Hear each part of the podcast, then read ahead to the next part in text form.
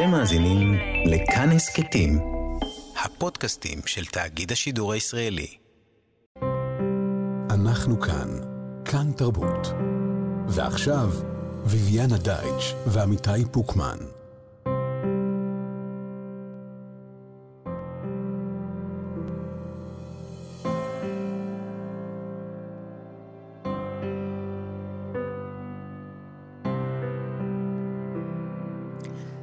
השעה ארבע וחמש דקות, אנחנו על כאן תרבות מירושלים. אני ביביאנה דייטש, איתי באולפן עמיתי פוקמן.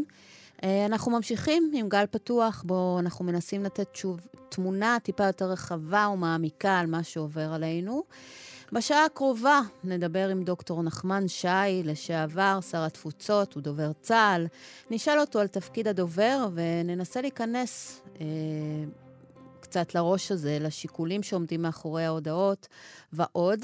ובהמשך נדבר עם אופיר בראל מאוניברסיטת תל אביב על פייק ניוז ואיך מתמודדים איתם. Mm-hmm. נזכיר לכם שתאגיד השידור הישראלי פתח את החמ"ל של כאן, שירכז את כל היוזמות האזרחיות לסיוע ללוחמים ולאזרחים.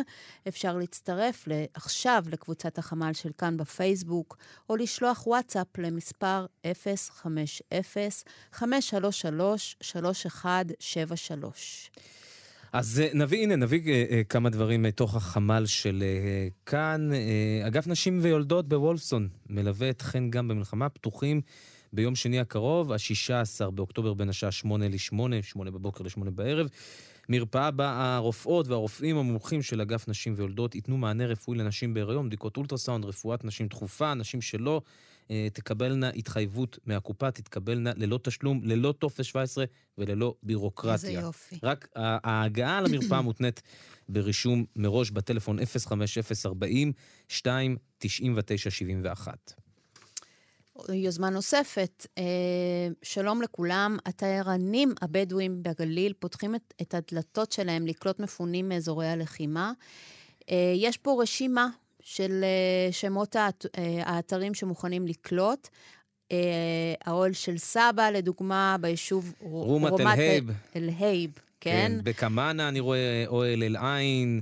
אה, כעביה, אה, עוד כעביה, בית ארזיר. תודה, עמיתי הצפוני שעוזר לי פה אה, להגיד את שמות. שיבלי אום אל-גאנם, כן, ואדי סלאמה. יש פה ממש באזור עמק יזרעאל, באזור טבריה, באזור כביש 77, ממש כל הכבוד לתיירנים הבדואים, הרשימה אגב מפורסמת באתר, כמו שאמרת. הרשימה מפורסמת, ויש פה גם אה, מספר טלפון, אבל הוא קצת מוזר, אז אני לא מקריאה אותו 025, לא, נראה לי 054, כן. לא, ברח להם השתיים לדעתי. אה, 054-228-09909.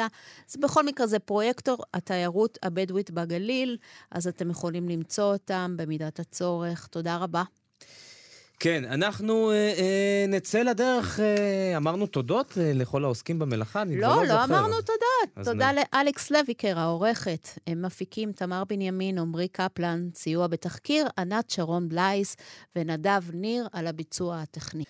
יש עוד זירה שאנחנו נלחמים בשבוע, בכלל, אנחנו נלחמים בשנים האחרונות, אבל ביתר שאת בשבוע האחרון, וזה... ברשת. הרשתות, ושם יש המון המון המון... בהחלט. אה, פייק ניוז, או, או, או חדשות כזב, אני חושב שזה היה פעם הניסיון לתת לזה איזשהו שם. אנחנו רוצים לשוחח על כך עם אופיר בראל, חוקר בסדנת יובל נאמן באוניברסיטת תל אביב, שלום לך. אהלן, שלום שלום. נתחיל בכך, אה, אה, מה, כמה אנחנו מקבלים ניוז וכמה אנחנו מקבלים פייק ניוז במלחמה הזאת במהלך השבוע ויום הזה? תראה, באופן כללי, לא רק במלחמה הזאת, אלא בשנים האחרונות, עם כל האירועים המטלטלים שאנחנו עוברים, אם זה מגפת הקורונה, הוויכוח הציבורי סביב אה, הרפורמה המשפטית, יש המון המון פייק ניוז, אבל אין ספק שבמלחמה הזאת הכמות של הפייק ניוז, שכרגע אפשר לכמת אותה, אבל הכמות הזאת אה, עלתה באופן משמעותי מאוד מאוד, גם בתוך ישראל וגם מחוץ לישראל. אני רוצה לשאול אותך שאלה שנשמעת אולי אה, ברורה, התשובה אולי נשמעת כברורה מאליה, אבל מה זה פייק ניוז? על מה אנחנו מדברים? זה, זה, זה רק דברים שאנחנו נחשפים אליהם ברשת? זה יכול להגיע אלינו גם בחדשות? מה, מה זה? מה, מה זה הדבר הזה? למעשה פייק ניוז מדובר באיזשהו מידע שיכול להתפרסם בכל אמצעי תקשורת, זה לא משנה, שהוא מתחזה להיות ידיעה אמיתית, אבל למעשה מדובר בידיעה שהיא שקרית. וחשוב לציין בהקשר הזה, כש... כאשר מדברים על פייק ניוז, זה לאו דווקא איזשהו סיפור שהוא שקרי במאה אחוז. ברוב המקרים לוקחים איזשהו מידע שהוא בפני עצמו הוא נכון, איזושהי תמונה, איזושהי עובדה, ומה שעושים למעשה, משנים את המידע סביבו, ויוצרים איזשהו סיפור חדש שהוא שונה לחלוטין מהאמת. המסגור שונה, כלומר, או שממש שינוי בעובדות? זה יכול להיות אה, למשל שינוי בקונטקסט של הדברים, אבל זה יכול להיות mm. גם בהחלט שינוי בעובדות, בהחלט. מה הסיכוי של אה, פייק ניוז, של ידיעת כזב כזו, ל- לתפוס, ל- ממש ככה לדגור, ואז אה, אה, לפתח אצלנו מחשבה על בסיס המידע הכוזב הזה? הסיכוי של ידיעה כזאת אה, לתפוס תלוי בעצם בשאלה האם יש בה את המרכיבים הנכונים כדי להפוך לסיפור, לאייטם, כמו שאתם קוראים לזה. Mm-hmm. למשל, אם הסיפור אה, מוצע כביכול ככזה שמגיע ממקור מהימן, אני כבתור מפיץ פייק ניוז יכול לקחת לוגו של ynet או של אה, אתר אחר לצורך mm-hmm. העניין ולהגיד שכביכול בשמו נאמרו דברים מסוימים. אמ, אם למשל הסיפור מעורר אפקט רגשי מאוד מסוים, של כעס, של פחד, של ספק, אין ספק שמדובר ברגשות מאוד בולטים בימים אלה של המלחמה, זה מגדיל את הסיכוי, אה, כמובן, שהסיפור ייתפס כאמיתי. רוב הידיעות לא מגיעות לסף כזה שבעצם אה, מצליחות אה, להפעיל את הציבור, אבל יש מספיק ידיעות שמתפשטות בגלל מאפיינים כאלו ואחרים. אז איך מזהים פייק ניוז, ואיך אה, נמנעים להפיץ אותם הלאה? כי אם אני לא מזהה ו- ואני ממשיכה בשרשרת, אה, זה שרשרת מזיקה. אנחנו יוצאים מנקודת הנחה שאנחנו בכלל רוצים לעצור. יש לדעתי גם לא מעט גורמים שמבחינתם ניוז או פייק ניוז, אם זה נוחת להם על הדעה שלהם, הם ימשיכו להפיץ. אני לא יוצאת מנקודת ההתחלה כן, כן, שאנחנו אני, רוצים לעצור. את צודקת, כן. ויאן, אני גם נמצא איתך. אז אה, באמת, אם אנחנו יוצאים מתוך נקודת הנחה שבסופו של דבר אנחנו רוצים אה, להסתכל על המציאות כמו שהיא ולקבל מידע שבסך הכל הוא מהימן, בייחוד בשעת חירום, אז באמת יש כמה דברים שאנחנו יכולים לעשות כדי, אה, בכל מיני לנקות את סביבת המידע שלנו קצת יותר. דבר ראשון, בואו ניכנס לאיזשהו תרחיש שקורה לא מעט בימים האלה, אה, מישהו שולח לכם איזושהי הודעה בוואטסאפ עם איזשהו אה, ניסוח אה, מאוד דרמטי, מאוד מפחיד. המלצה הראשונה שלי זה קודם כל, כאשר קוראים את השתיים שלוש שורות הראשונות של ההודעות האלה, פשוט להפסיק לכמה שניות. יש לזה חשיבות מכיוון שבהפסקה הזאת של הכמה שניות אנחנו למעשה יכולים למתן את האפקט הרגשי, אותו אפקט רגשי שאמרנו מקודם שמאוד מסייע להפצה של הפייק ניוז. אחרי שעשינו את ההפסקה הקצרה הזאת, אה, מאוד מומלץ אה, לבדוק האם יש מקור נאמן למה שקראתם. הרבה פעמים, בייחוד בוואטסאפ, אבל במקומות, במקומות אחרים, אין איזשהו אה, קישור לאתר מהימן שיכול באמת להגיד שהדברים נכונים. אני ממליץ, אה, אם אתם מקבלים מידע כזה, פשוט לשאול את הצד השני האם יש מקור לדברים. מכיוון שלכם זה נותן uh, קישור למקור כזה. לפעמים וגם... נדמה לנו שעצם התמונה או הווידאו הוא המקור, כי משהו התרחש. נכון, הרבה פעמים אנשים uh, מאמינים לסיפורים מסוימים כי הנה, יש תמונה. נכון. אז נכון, אז באמת במצב כזה אפשר uh, לבדוק את המקור של התמונה, uh, אפשר להשתמש בטכניקה של חיפוש תמונות בגוגל, פשוט להיכנס לגוגל, להעלות את התמונה, ושם הרבה פעמים אה, מביאים את המקומות הנוספים שבהם התמונה הזאת פורסמה. דרך אגב, היה גם במלחמה הזאת, היו לא מעט מקרים, שתמונות שכביכול יצאו מעזה התבררו כתמונות שפורסמו לפני כמה וכמה שנים במקומות אחרים בחו"ל. אני רוצה לשאול אותך על גילים. אה, האם יש סיכוי יותר ל- לידיעת כזב כזו או אחרת להיתפס אה, בגילים מסוימים, ולא להיתפס בגילים אחרים. לדוגמה, אני יודע שאנשים עם אולי עם אוריינות רשת יותר מתקדמת ידעו לזהות מתי, ואנשים מבוגרים יותר אולי עם אוריינות פחותה לא. אבל זה באמת, זה, זה, זה סטריאוטיפי או שזה אמיתי מה שאמרתי? בגדול יש בזה מן האמת, אבל צריך לדייק מעט את הדברים.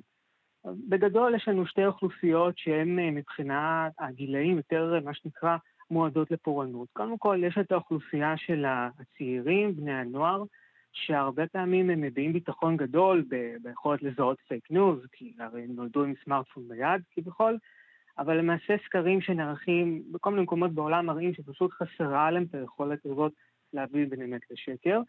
לגבי האוכלוסייה המבוגרת, פה זה טיפה יותר מורכב, כי קודם כל בתוך האוכלוסייה המבוגרת צריך להבחין בין המבוגרים היותר צעירים, בגילי ה-60, 70 פלוס, שהיכולת שלהם לזהות פייק ניוז היא יותר טובה ממה שאנחנו חושבים, ויש את המבוגרים היותר מבוגרים, מגילי 80-85, ששם באמת היכולת לזהות פייק ניוז היא פחות טובה, בגלל משתנים של ירידה קוגניטיבית וזיכרון ודברים כאלו ואחרים. אני רוצה גם לשאול אותך, איך מדינות מתמודדות עם הסוגיה הזו? איך המדינה, אתה, דיברנו עד עכשיו על איזושהי אחריות אישית, אבל איך המדינה מתמודדת עם זה?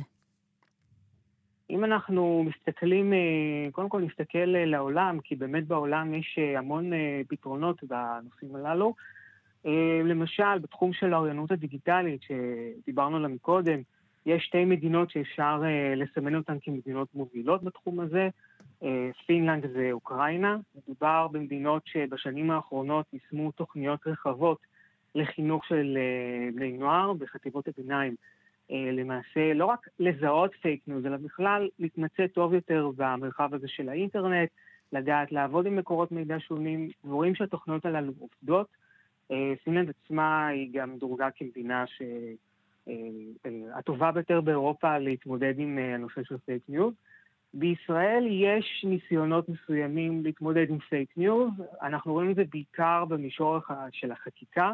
למשל בבחירות האחרונות נחקק חוק שבעצם מחייב את המפרסמים של המודעות הפוליטיות ברשתות החברתיות להזדהות. בעצם יותר שקיפות שאנחנו יכולים לדעת מי עומד מאחורי הפרסום הפוליטי שאנחנו רואים. אבל... ואם אנחנו לא רואים, אז אנחנו יודעים שזה פייק? אם אנחנו לא רואים, אז אין לנו בעצם ודאות להגיד אם זה אמיתי או לא אמיתי. אבל כל הפעולות החקיקתיות, גם המשפטיות שנעשו, הם או למניעה, או, אני יודע, לנסות לעשות הבדלה. בסוף, תקן אותי אם אני טועה, האם איזושהי מדינה, כי אני יודע שבישראל לא, עשתה איזושהי חקיקה כנגד אלה שמפיצים. זאת אומרת, היה ונחשף שאני הפצתי בידיעה פייק ניוז מכל מיני אינטרסים פוליטיים, מדיניים, כלכליים, האם יש איזושהי חקיקה שיכולה אחר כך גם לקנוס אותי, לאסור אותי? העבריין ייענש. כן. בוודאי, יש, יש מדינות כאלו, למשל ברוסיה, בעקבות מה שקורה שם במלחמה עם אוקראינה, אז נחקק שם חוק שבעצם כבר הכניס לכלא כמה עיתונאים כביכול באשמה של הפצה של פייק ניוז. ויש את זה גם במקומות נוספים. אבל זה, יש במדינות דמוקרטיות, ליברליות גם כזאת חקיקה? כי רוסיה, אתה יודע, ההגדרה שם של פייק ניוז היא מאוד גמישה. לפעמים נכון. גם השלטון יכול להפיץ פייק ניוז בידיעה, לא רק בידיעה, זו אחת המטרות שלו גם. תראה, אני יכול להגיד לך שגם פה בישראל יש לפחות שלושה חוקים שעל פי החוקים האלה, אם אתה מפיץ פייק ניוז, אתה יכול להיכנס לכלא. הבעיה בחוקים הללו, זה לא משנה אם זה, יש כמה בעיות. קודם כל בעיה של בהירות, בכלל לבוא ולהגדיר מה זה פייק ניוז. ודבר שני, עלולה להיות פה גם פגיעה מאוד גדולה בחופש הביטוי, וזו הסיבה שבמדינות המערב פחות הולכים לכיוון של חקיקה שמטילה קנסות או עונשי מאסר, יותר הולכים לכיוון של שיתופי פעולה בין המגזר הממשלתי למגזר הפרטי, למשל בפיתוח של פתרונות טכנולוגיים, או לכיוון של תוכניות חינוך דיגיטלי, כמו שציינתי למשל בפינלנד. אופיר בראל, חוקר בסדנת יובל נאמן באוניברסיטת תל אביב, על פייק ניוז, מאוד מאוד מאוד מאוד חשוב. אנחנו עוד כנראה לימים ארוכים, והמידע המהימן והאמיתי הוא מאוד חשוב. וההבדלה בין המידע שהוא לא כזה. תודה רבה ששוחחת איתנו. נכון, פנימה והחוצה. תודה רבה לך. תודה, תודה. כן, ואנחנו עכשיו רוצים לעסוק אה, בהסברה ובכלל בדוברות. בימים האחרונים, אה, אחד הפרצופים שחוזרים ומופיעים לנו על המסך הוא פרצופו של דובר צה"ל, תת-אלוף דניאל הגרי. אנחנו רוצים קצת להיכנס לראשו של הדובר, ובכלל, לכל מערך ההסברה. ביקשנו לשוחח על כך עם מי שהיה פעם בתפקיד הזה, נגיד שלום לדוקטור נחמן שי, לשעבר דובר צה"ל, חבר כנסת, שר התפוצות ועוד שורה של תפקידים בעולם התקשורת. שלום לך. שלום וברכה, אמיתי.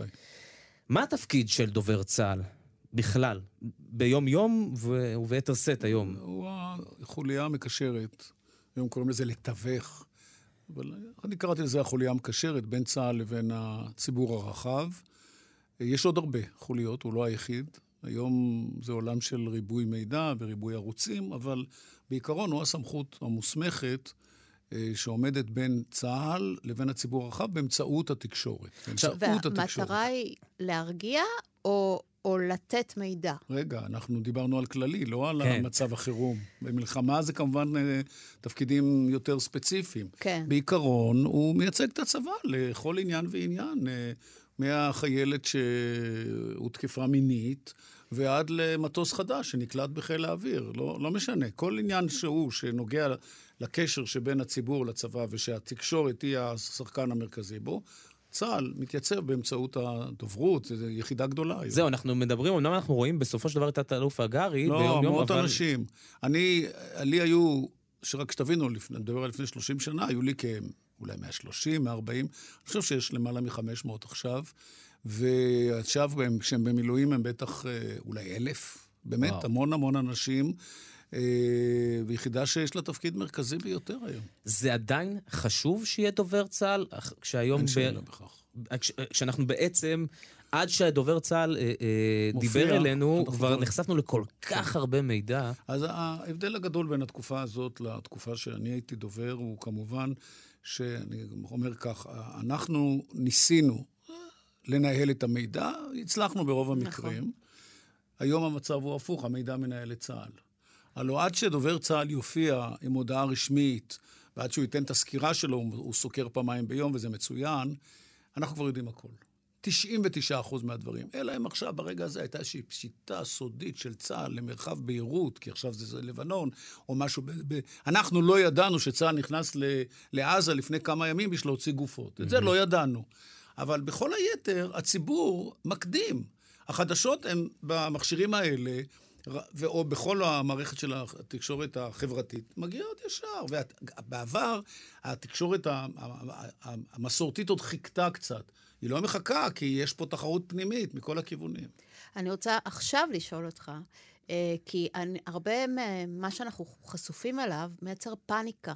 אנשים הם, הם מבוהלים. כן. אז עכשיו אני חוזרת לשאלה, האם בעת הזו זה גם איזשהו תפקיד של הרגעה, כן. של קרקוע, או ש... או קצת על המתח הזה שבין להרגיע לבין לתת מידע, גם אם הוא לא פשוט. אז אני אגיד לך, ביביאנה, זה, זה בדיוק העניין. אנשים שואלים, אני מסביר, אנשים אומרים לי, למה לא... שיהיה, שיהיה עוד פעם מסביר כזה, כמו שאתה היית וכן הלאה. אני, אני, אני די זהיר בזה. גם אומרים לי, תהיה אתה, אני אומר, רגע, חבר'ה, זה לא אותו דבר, תירגעו. העניין, זה מצחיק שאני אומר, המצב היום הוא הרבה יותר מורכב. כן. אה, ו, ולכן, דבר אחד לא השתנה. זה נכון, זה אמרתי. הפחד או הדאגה, האדם לא השתנה בשלושים השנים האלה, הוא משתנה בסדרי גודל של אלפי שנים. זאת אומרת, כשאדם נמצא בסכנה, הוא פוחד, הוא חושש, הוא מודאג. זה נצחי, זה קבוע, זה המשתנה, הלא משתנה. מסביב השתנו הרבה דברים. לכן אני אומר, עדיין, הגברת כהן מחדרה ומר אה, פומרנס משדרות, הם פוחדים. הם מודאגים. הם לא יודעים מה יהיה. אה, מישהו נפגע במשפחה. הם לא יודעים, יהיה אוכל מחר. אה, הבית נפגע. יש כל כך הרבה סימני שאלה. אה, כאן זה, זה דבר שצריך להתמודד איתו. ולכן כן צריכים להיכנס לחלל הזה ולחשוב מה עושים. אני שובר את הראש כבר שנים, מאז. כל שנה אני שובר יותר, כי אני רואה יותר תכונה סביב התחום הזה, ואני מסתכל ברחמים על דוברי צה"ל שצריכים להתמודד עם זה. את זה דניאל ארגרי לא יכול לעשות. הוא, הוא נותן את המרכיב הצבאי, אבל הוא, הוא, וזה עוזר, אבל זה לא מספיק, צריך לעשות יותר מזה. ואני... מי אני, נכנס לוואקום הזה?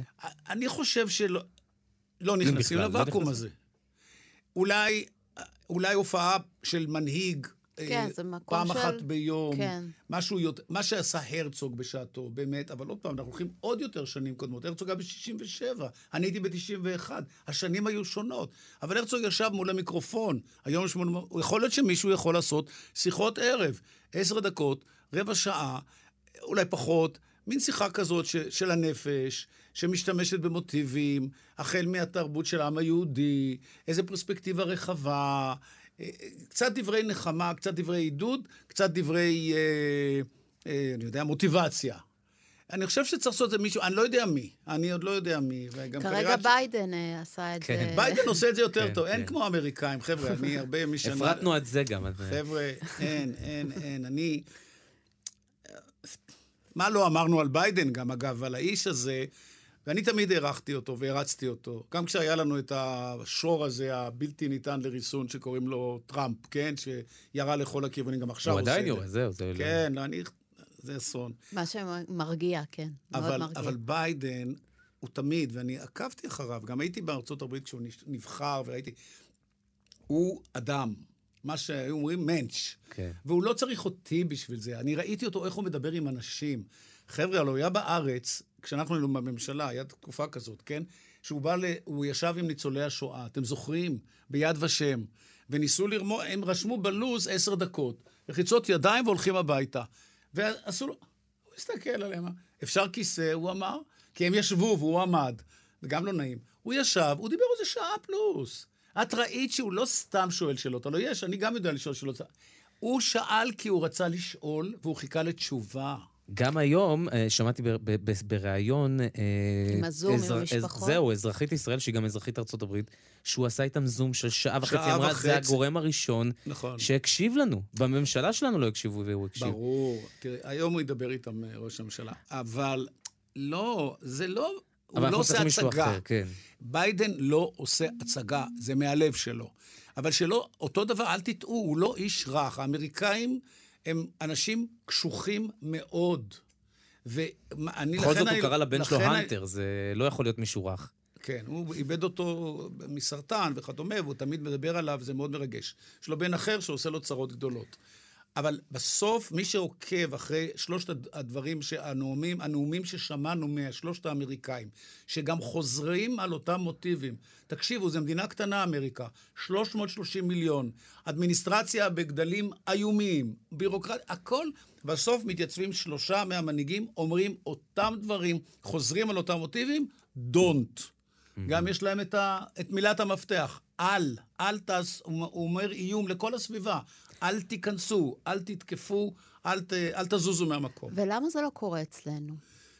כי אצלנו זה חלטורה. חלטורה, אין לי מילה אחרת.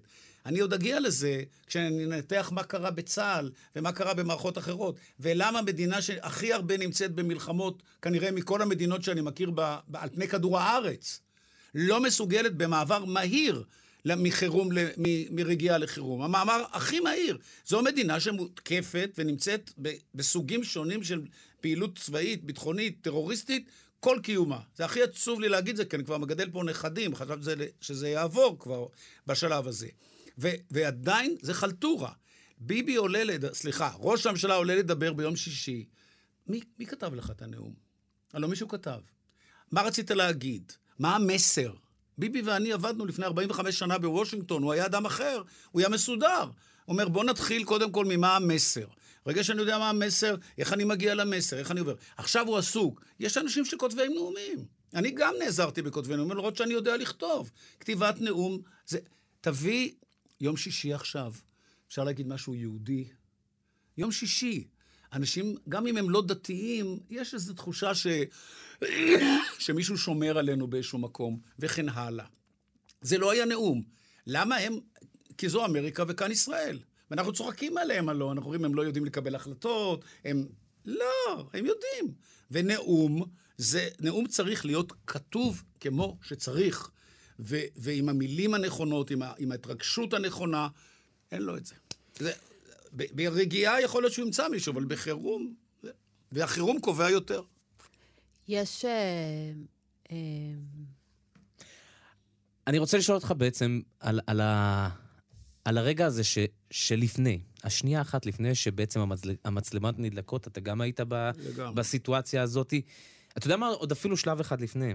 כשכותבים מה אתה הולך להגיד, איזה מידע מוציאים, איזה מידע משאירים. מה חשוב שהציבור ידע, מה חשוב שהציבור לא ידע, מה... איפה, איפה ה- ה- הלב והראש וה... ובסוף גם, גם לך, גם כמו שאמרת, יש ילדים, נכדים, אה, גם לתת-אלוף אגר יש, אה, אה, ברור. הם גם שומעים את המסרים. זה הכל מתערבב הרי פה. ילדים ונכדים זה, יש לי הרבה סיפורים, אבל אנחנו, זמננו קצר. אה, אני אחזור. אה, אתה צריך, הכ- הכלל הוא להביא כמה שיותר מידע לציבור. זה מה שהנחה אותי. תמיד. בכל אירוע, לא רק אה, מלחמה, היו לנו עוד סדרה של אירועים. כמה שיותר מידע. ואם אין לי מספיק, אני מבטיח לחזור ולתת לכם. כמה שאני, כשיהיה לי, יהיה לכם. להגרי יכול להיות שיש היום שני תדריכים, יכול להיות שהוא יצטרך לעשות ארבעה בעתיד. כל שעתיים, כל שלוש. זה לא משנה. למה זה חשוב היום יותר? כי מולנו משתוללות סופות של fake news, סופות של שקרים. סופות של ידיעות מעוותות, סופות של כל מיני בוטים, שמוטים ודותים. איזה, כל זה כן, לא היה לי. דיברנו על fake news כן, קודם. לא היה כן, לי. כן. לא היה לי. אז לכן הוא צריך להיות כל הזמן, אבל תמיד כשהוא מדבר, 100 אחוז אמת. לא 99 אחוז, 100 אחוז. כי תמיד יש יועצים בצד שאומרים לו, אה, תמתן, תרכך. לא, לא, חביבי. את האמת, כל האמת, כמה שאפשר באותו רגע, ורק אמת. אז זה הערך המנחה? מה הערך המנחה? אמת. אמת. אתה חושב... כש- כש- כשיצחק רבין, לפני 40 שנה, ביקש ממני להיות הדובר שלו, ונכנסתי אליו לחדר, וביקשתי הנחיות, שאלתי, תן לי את האני מאמין שלך. הוא אמר לי אמת. אומרים אמת. אמרתי, איזה, איך לא חשבתי על זה? יכול להיות שזה השתנה עם השנים? כן. או... לא יודע, אני לא דובר צה"ל בהכרח. כללית, בוודאי, הייתי בא מהפוליטיקה. שם האמת זה עונש. אז, אז זו הייתה השאלה הבאה שלי. אה, מה מידת המעורבות של הדרג המדיני במסרים של דובר צה"ל? קטנה מאוד עד אפסית. אוקיי. וככה צריך להיות. ואני חוזר לאותו ביבי נתניהו, במלחמת המפרץ, שנינו היינו דוברים. הוא היה הדובר המדיני, אני הייתי הדובר הצבאי. הופענו אחד אחרי השני. לא רציתי להופיע אותו ביחד, גם כדי שיהיה איזה סדר, וב' אי אפשר להתחרות באנגלית הזאת. זה לא פייר, האנגלית שלו. הוא אומר לי, למה אנחנו לא נעשה ביחד? אמרתי לו, ביבי, אנחנו לא נעשה ביחד, כי אני בא באנגלית של גימנסיה רחביה בירושלים, אתה גם למדת שם, אבל בין הגימנסיה אני לבין היום עברת חצי מה... מה...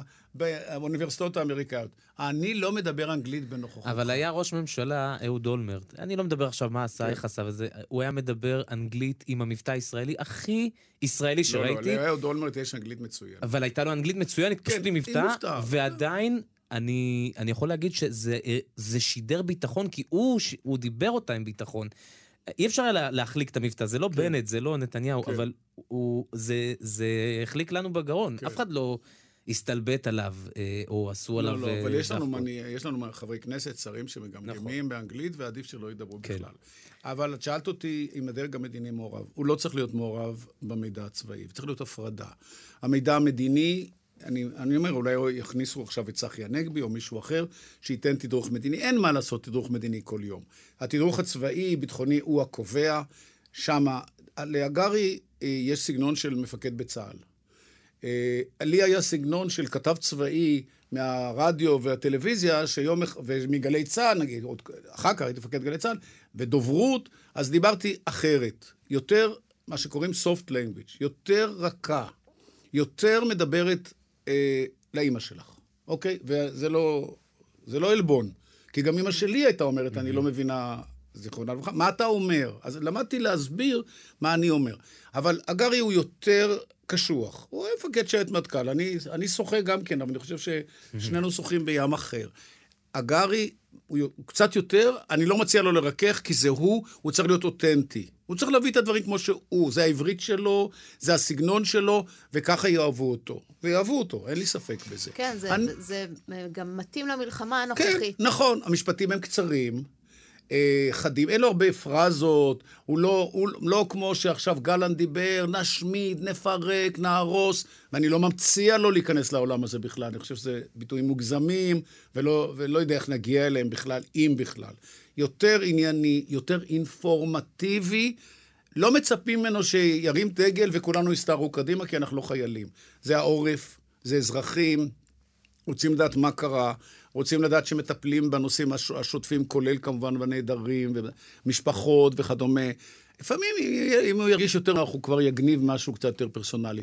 אבל הסגנון הזה זה סגנון אחר, וכל אדם עם הסגנון שלו, אסור להכתיב לו סגנון אחר. גודל השעה אה, הוא מובן בקרב הדוברים לפני שפותחים את המיקרופון? זאת אומרת, זה, זה, זה מורגש, כי בסוף עומדים באולם, במקרה הטוב יש בו עיתונאים, לפעמים כן, גם... כבר לא צריך עיתונאים, כי הכל עובר. העיתונאים הם רק קישוט, אפילו לא רואים את העיתונאים. פעם היינו מראים את העיתונאים. זהו, לזכותו ייאמר שהוא לפחות עונה לשאלות עיתונאים. זה... הוא לא יכול לא לענות, הוא לא מנהיג. הפכו את זה אצלנו למשהו של תרבות, שהם נואמים כן. ונעלמים. נכון. אה, אה, גם ביידן עולה לשאלות, אפילו לא הרבה, שתיים, שלוש, תמיד עונים. זה לא יכול להיות שזה יהיה חד-סטרי. כל המחשב... אצלנו עוד חיים בעולם אחר. התקשורת היום היא דו-סטרית. היא צומחת מהציבור דרך התקשורת, עולה למנהיגים ויורדת חזרה. אתה לא יכול שלא לענות. תענה, תפתח אה, אה, דואר, כתובת בדואר, אתר, ותענה לשאלות. אתה חייב לענות לציבור. הציבור הוא, הוא ציבור מלא היום, מלא עניין, מלא דאגה, מחפש הבהרות, אתה חייב לענות לו. לפני עשר שנים אה, אה, יצא ספרך מלחמדיה, אה, על רקע בעצם על עוד גזרה שדיברת שאנחנו נאלצים להילחם בה. כמה דובר צה"ל אה, מחלק את כוחו היום, בכלל, מערך דוברות צה"ל, בין המלחמה שם לבין המלחמה בשטח? או בתקשורת הממוסדת גם. לא, לא, יש כמה חזיתות שאנחנו מעורבים בהן. יש את החזית הפנימית, זה הציבור הישראלי. יש ערביי ישראל, יש ערביי השטחים. כל אחד, אנחנו צריכים לכוון מסרים בצורה עדינה. ערב, המדינות הערביות השכנות. וזה בתוך, בתוך מערך דוברות צה"ל יש ממש ככה... דסקים לזה, כן, כן. אחר כך יש לנו את הדסק הבינלאומי, שגם בתוכו יש פיצול בין אירופה לבין ארצות הברית, אולי יש להם עוד דסקים. אני לא מומחה להכי אפדייט, אבל זה פחות או יותר מה שהיה, וצריך להיות ככה גם במשרד החוץ. ואתה בונה את עולם המסרים שלך לכל אחד ואחד. איפה זה השתנה, נגיד מתקופתי, שאפשר היה להפריד. אפשר היה להגיד, זה לתקשורת הזרה וזה לתקשורת הישראלית. היום אין דבר כזה. את, את, כל העולם הוא מאוחד. מה שאתה אומר בפנים יוצא החוצה, מה שאתה אומר החוצה אומר בפנים. היום גם מתרגמים אותך ב... אני לא יודע אם ה-IA או AI יודעים אה, אה, לתרגם mm. תוך כדי, אבל זה עוד עניין של שנה, שנתיים. אתה תדבר עברית, וכמו שהוצאת את המילים בעברית, זה יצא באנגלית. זה יגיע, הרגע הזה. אז אין כבר יותר הפרדה, לכן אתה לא יכול לשחק את המשחק, אתה צריך להיות מאוד עדין. לערביי ישראל, אתה אומר, ונמשיך את חיינו המשותפים. לערביי הגדה אתה אומר, דיר באלק, אל תזוזו מהמקום שלכם. למדינות ערב אתה אומר, זה, הם הורסים אתכם, החמאס, תראו איך הם... אה, לעולם המוסלמי. כל אחד אתה מחפש איזשהו סוג של מסר כדי ש... כדי להשפיע עליו. יכול להיות אבל גם מסרים סותרים? אז זה הסיפור. עכשיו אתה מדבר על הספר שלי ועל עבודת חיי, שזה הדוקטורט, שאני ניסיתי, הצלחתי חלקית לשכנע שצריך להקים מערך הסברה לאומי. היום הוא קיים, אבל בכלל שלא הקימו אותו כמו שצריך ולא תפקדו כמו שצריך, אז הוא ייקח לו הרבה זמן, אבל הוא יכול להיות שהוא יגיע בסוף לעשות את הדברים כמו שתכננו, לחבר את כל השחקנים למסר משותף. זאת החוכמה, שכולם ידברו באותה שפה, אחרת אתה תגלה סתירות. יופיע שר, היום לא כל כך מופיעים שרים, אבל אותו הם לא, לא יכלו לעמוד בפיתוי, חלק מופיעים. ואז כל אחד מהם יתחיל, למרות שהם מקבלים דף מסרים, הם יתחילו להגיד דברים שונים. אתה היית בעבר שר התפוצות, ובשבוע האחרון שר התפוצות הנוכחי קיבל את האחריות על ההסברה כלפי התקשורת הזרה. אה, איך אתה רואה את ההסברה הישראלית עד כה, אה, והאם זה נכון לתת את זה למשרד התפוצות, לדעתך? זה משונה. אני, אני חושב שיש פה איזושהי הבנה. קודם כל הקימו משרד הסברה מהדקה הראשונה, זה היה מיותר ומצחיק, אמרתי לה את זה, היא לא רוצה לשמוע. היא נורא רצתה משרד, אז נתנו לה משהו שהוא לא משרד, ולכן אין שום ויתור, זה לא משנה אם יש או אין, אין. הסברת החוץ היא בידי משרד החוץ. יש לו נציגויות ברוב מדינות העולם, הוא משרד משומן ומאורגן, אני לא יודע למה אני לא שומע עליו, אבל הם צריכים לעשות את, את הסברת החוץ. זה, זה מקדמת דנא, זה, זה התחום שלהם. לכן גם כשאני הצעתי את מערך ההסברה, זה, זה לא במקום משרד החוץ, זה לתאם עם משרד החוץ את כל, ה, את כל הפעילויות שנעשות. משרד התפוצות, יש לו גזרה מאוד צרה, שזה הקהילות היהודיות בעולם. היא גזרה מאוד חשובה, לצערי לא משקיעים בה מספיק. זה תשעה, שמונה, תשעה מיליון יהודים, מהם מיליון בעלי, זכות, בעלי אזרחות ישראלית. יש מיליון יהודים בעולם עם זכות ישראלית. הם, זה גזרה מסוימת, הם צריכים להמשיך מה שעשינו בשגרה, להמשיך, לערב אותם, לגייס אותם, לעודד אותם, לענות לשאלות שלהם. אם הייתי יושב שם, אני יודע פחות או יותר מה הייתי עושה. אני לא הבנתי איך מערך ההסברה הטיל עליו את הסברת החוץ. זה לא אמיתי. את הסברת החוץ יעשה ועושה משרד החוץ וימשיך לעשות את זה. אני חושב שזה אי-הבנה, משהו ב... היא לא הבינה, לא... אין. הוא לא יכול, אין לו מספיק. המשרד הוא קטן, הוא עם 20-30 עובדים.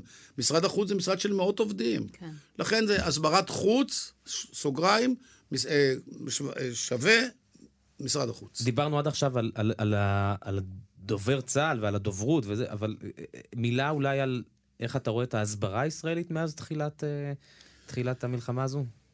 תראה, אני... גם כלפי פנים וגם כלפי חוץ.